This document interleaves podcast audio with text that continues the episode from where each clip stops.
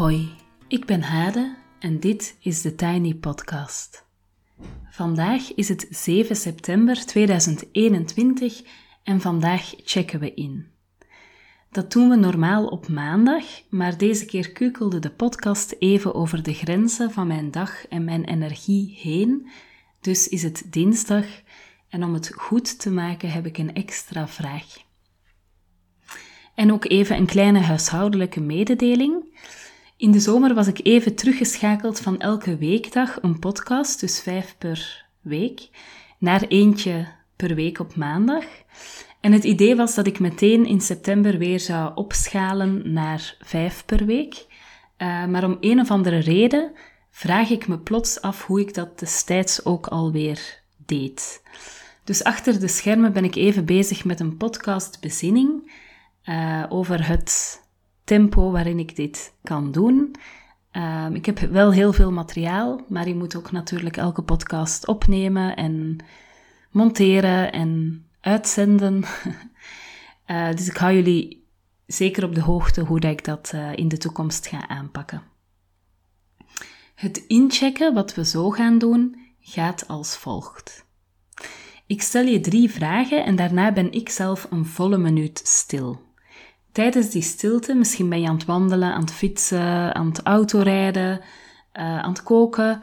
Tijdens die stilte kan je gewoon even stilstaan bij die vragen, gewoon even nadenken. Maar je kan de podcast ook natuurlijk op pauze zetten en schrijvend inchecken. Dat zou je dan journaling kunnen noemen. Of je kan natuurlijk ook met een vriend, vriendin, je partner, je kinderen inchecken uh, aan de hand van de vragen die ik dadelijk geef. En na de stille minuut ga ik zelf natuurlijk ook even inchecken bij jullie. Voilà, daar gaan we. De drie vragen zijn de volgende. De eerste. Als jij vandaag de Win for Life uh, zou winnen, uh, ik weet niet of dat in Nederland ook bestaat, maar in België is dat zo'n kras biljet. Uh, en als je geluk hebt, dan win je 2000 euro per maand, denk ik, voor de rest van je leven. Uh, dus stel dat je de Win for Life zou winnen, krijg je niet één keer een groot bedrag, maar je krijgt wekelijks, uh, wekelijks iets. En stel dat jouw prijs zou zijn dat je elke week 7 uur extra zou krijgen vanaf nu voor de rest van je leven, wat zou je dan doen met die tijd? Dus de eerste vraag, stel dat je de Win for Life wint en je hebt vanaf nu voor de rest van je leven elke week 7 uur meer tijd, wat zou je dan met die uren doen? Dan een, uh, een tweede vraag. Stel dat je iemand uit je omgeving graag wat tijd cadeau zou doen. Wie zou dat dan zijn en hoe zou je dat kunnen aanpakken? En de derde, als je uh, aan iemand uit je omgeving tijd zou willen vragen, dus dat die persoon jou wat tijd cadeau doet, aan wie zou je dat dan kunnen vragen en hoe zou je dat dan doen?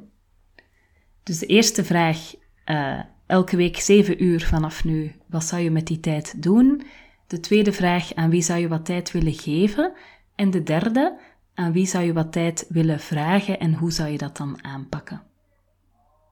Stof tot nadenken. Ik ga een volledige minuut zwijgen en dan eh, check ik ook even in bij jullie.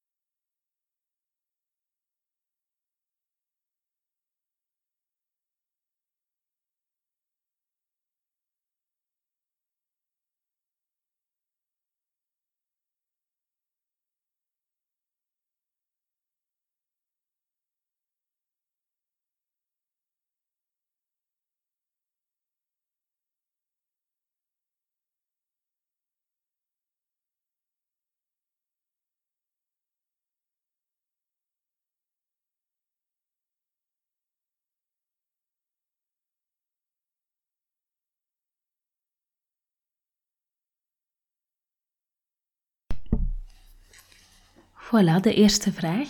Um, en die ga ik even toelichten. Ik heb gisteren Injas Glorieux uh, geïnterviewd en dat is een socioloog, professor aan de VUB. Ehm, en die doet tijdsbestedingsonderzoek met dagboekjes. Um, als je mensen vraagt, als ik jou vraag wat heb je gisteren gedaan en hoeveel uren heb je de voorbije week besteed aan werk en huishouden, dan is de kans dat jouw antwoorden niet heel erg met de realiteit matchen vrij groot. Terwijl als je heel concreet bijhoudt uh, wat je op een dag doet, hè, elk uur even moet opschrijven, bijvoorbeeld, ik weet niet exact hoe ze dat doen, maar als je elk uur even opschrijft van wat heb ik nu het voorbije uur gedaan, uh, dan krijg je een veel realistischer beeld van je tijdsbesteding. Ik heb dat zelf trouwens ook gemerkt, uh, omdat ik nu voor een project mijn uren bijhoud. Uh, ik vind het ook best confronterend. Ik heb altijd het gevoel dat ik heel veel werk, uh, maar hoe moeilijk het is om aan een bepaald aantal zuivere werkuren op een dag te komen. Dus dat je echt de volledige uren uh, besteed hebt aan een bepaald project. Anyway, ik had dus uh, die socioloog geïnterviewd en hij zei het grootste verschil dat we waarnemen ehm, is het verschil in tijdsbesteding tussen mannen en vrouwen en alle andere parameters die we loslaten via de analyses, hè, zoals uh, verschillen tussen mensen die in de stad wonen of op het platteland, hoog of laag opgeleid, mensen die veel financiële middelen hebben of weinig. Dat is allemaal peanuts tegenover um, het tijdverschil tussen mannen en vrouwen. Uh, en hij zei, het komt er eigenlijk op neer dat vrouwen zeven uur minder tijd, vrije tijd hebben per week dan mannen. En dat gaat eigenlijk over een, ongeveer een volledige werkdag. Uh, het ging zover dat die man die uh, in jas tegen mij zei: uh, Als ik blind van iemand zou horen, wat heb je gisteren gedaan uh, en wat heb je de voorbije weken in het huishouden gedaan, dan kan ik met een vrij grote zekerheid zeggen of je een man of een vrouw bent. Um, nu, waarom maakt dat uit? En is het niet allemaal onze eigen keuze en bla bla bla en moeten we niet zeuren? Wel, het maakt uit. Um, ik ga een voorbeeld geven wat in dat interview ook aan bod kwam. Ze hadden het onderzoek ook gedaan bij professoren, mannen, mannelijke en vrouwelijke professoren, omdat ze dachten, ja, dat is een groep met hoogopgeleide, bewuste mensen en progressief, uh, progressief waarschijnlijk. En daar vond men hetzelfde verschil. Dus vrouwen besteden zeven uur per week meer tijd aan zorg en huishouden. Wat betekent dat mannen uh, mannelijke professoren die gebruikten die tijd meestal om meer te werken. En dat betekent concreet, als je elke week zeven uur meer aan je werk kan besteden, dan heb je aanzienlijk meer onderzoeksvoorstellen, uh, artikels uh, geschreven, uh, vergaderingen bijgewoond enzovoort. Uh, dus die zeven uur per week is natuurlijk structureel een groot probleem. Um, als de ene groep die kan gebruiken om verder te geraken, meer geld te verdienen bijvoorbeeld, verder te geraken in zijn carrière, uh, te investeren in weet ik veel wat, en de andere groep het eigenlijk besteedt aan repetitief werk waar weinig voor terugkomt. Hè. Huishoudelijk werk is, kan gezellig zijn om te doen en het is ook nodig, het is ook niet minder waardig, maar je krijgt er heel weinig geld bijvoorbeeld voor terug of weet ik veel wat, waardering ook helaas weinig.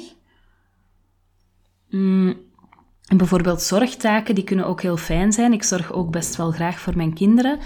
Maar ook als je dat zeven uur per week meer doet, dat is helaas uh, werk dat niet gewaardeerd wordt met, wel met liefde als het goed gaat, maar niet met uh, geld, niet met, uh, weet ik veel, een of andere bonuspunten die je kan gebruiken in het leven. Um, en dat maakt eigenlijk dat tijd en eigen tijd en tijdsverdeling, dat dat een heel belangrijk, voor mij, een heel belangrijk feministisch uh, thema is. dus eigen tijd, ik had laatst iemand die vroeg, is het eigenlijk geen luxe om eigen tijd te kunnen hebben? Uh, en het antwoord op de vraag is deze. Uh, nee, het is geen luxe, het is een zaak van gelijkheid of ongelijkheid. Nu, dat was natuurlijk niet het antwoord op de vraag. Stel dat ik de Win for Life win en ik krijg vanaf nu 7 uur per week erbij, dan zou ik graag suppen. Uh, ik heb allemaal goede voornemens. ik heb ook een sup gekocht en het is droevig hoe weinig ik daar echt tijd voor kan maken. Ik zou graag meer wandelen en veel meer lezen. En wat ik bijvoorbeeld merk, terwijl ik over deze vraag nadacht, was dat mijn sportmomenten, dat die eigenlijk automatisch vaak tijdens mijn werktijd uh, vallen. Um, heeft ook wel te maken met het feit dat ik vaak s'avonds werk. Hè, dus dat het niet zo vanzelfsprekend is om, als ik al twee avonden per week weg ben gegaan voor een meeting, dat ik dan ook nog een avond of twee avonden per week ga sporten. Uh, maar ergens zit er bij mij zo'n soort van reflex van als ik wil sporten, dan moet dat maar tijdens mijn middagpauze of um, moet ik maar even vroeger stoppen met werken. Uh, terwijl beweging natuurlijk belangrijk is om gezond te blijven. En uh, het is het eerste dat ik altijd oversla als ik weer mijn tijd niet goed heb uh, ingepland of als er allerlei onverwachte klusjes op mij afkomen. Triest, maar ik vrees dat het niet alleen mijn realiteit is. De tweede vraag ging over tijd geven. Um, ik ben een, uh, samen met mijn geweldige vormgeefster um, een kaartenset aan het maken van tien postkaarten. Vijf daarvan dienen om tijd te vragen aan anderen, dus je behoefte aan te geven. Uh, dat iemand het even van je overneemt en dat jij dus tijd en ruimte kan nemen. En vijf kaarten dienen ervoor om iemand tijd aan te bieden, door te zeggen van zeg mij maar wat je kan doen, uh, ik neem graag even wat van je over, zodat jij wat meer tijd uh, kan nemen. Want ik denk dat beide moeilijk zijn. Hè. Het is zowel moeilijk om aan te geven dat je tijd nodig hebt en dat, dat iemand jou met iets kan helpen of even wat kan overnemen van jou, zodat jij even wat tijd kan hebben voor jezelf die je ook nodig hebt.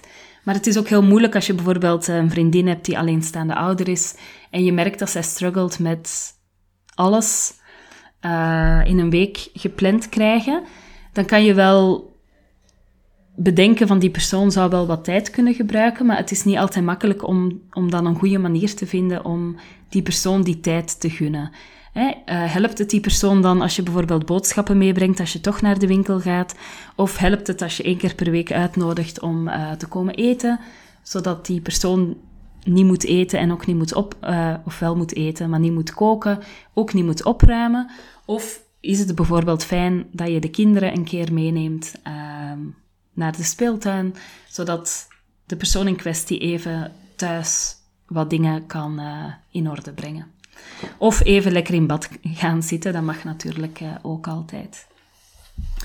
Uh, voor mij is mijn periode toen ik alleenstaande moeder was, ik ben drie jaar alleen geweest, dat is echt een periode geweest dat ik heel veel heb geworsteld met tijd, energie en geld.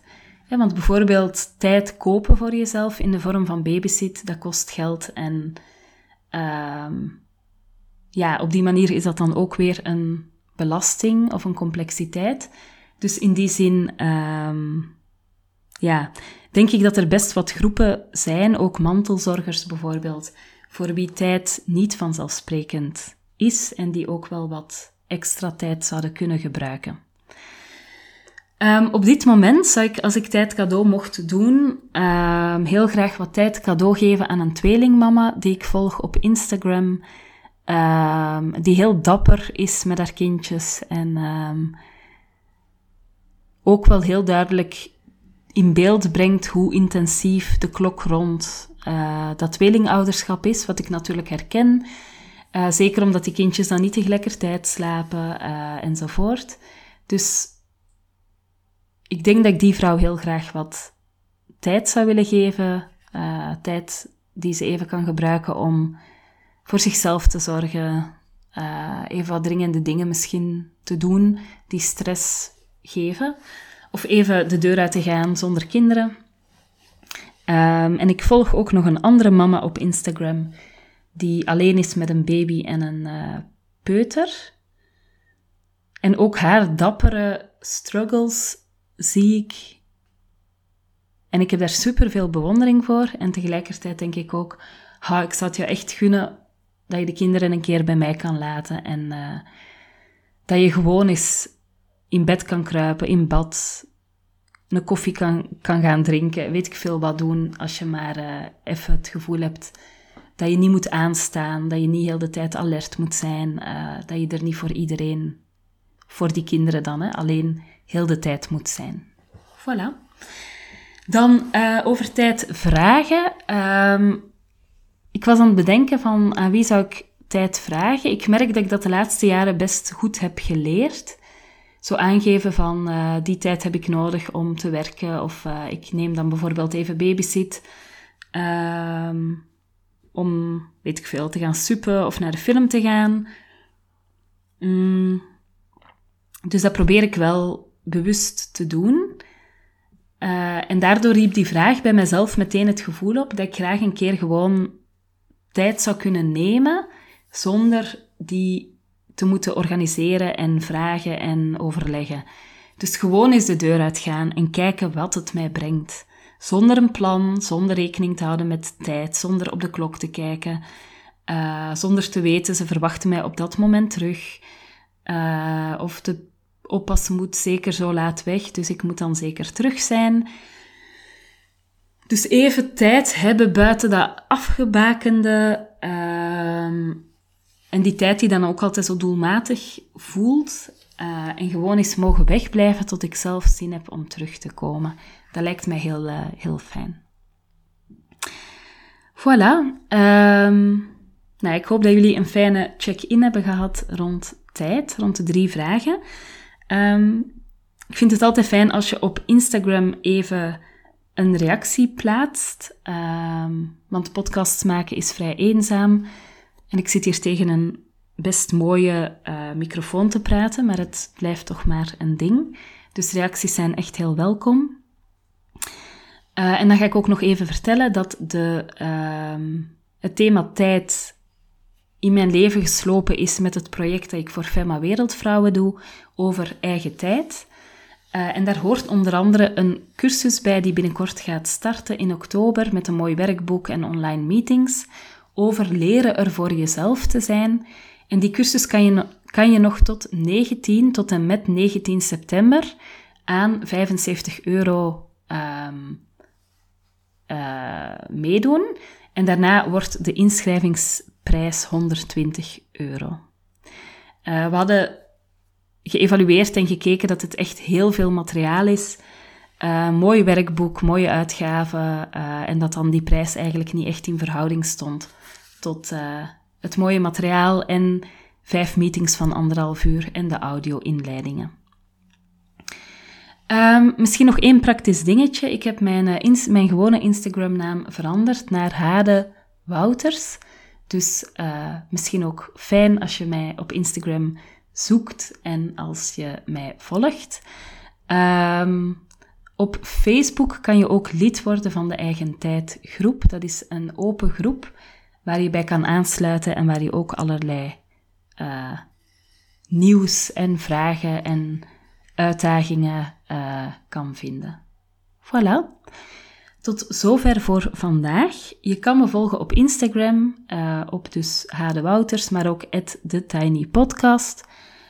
Als je je abonneert via bijvoorbeeld Google of Apple Podcast in Spotify of in je favoriete podcast-app, dan krijg je telkens de nieuwste aflevering in je overzicht. Um, en dan wordt het je vanzelf duidelijk of ik weer overschakel naar elke weekdag of een ander ritme. Als je de podcast doorstuurt naar iemand die er ook graag naar luistert of hem deelt op social media, dan help je me om de podcast te laten groeien.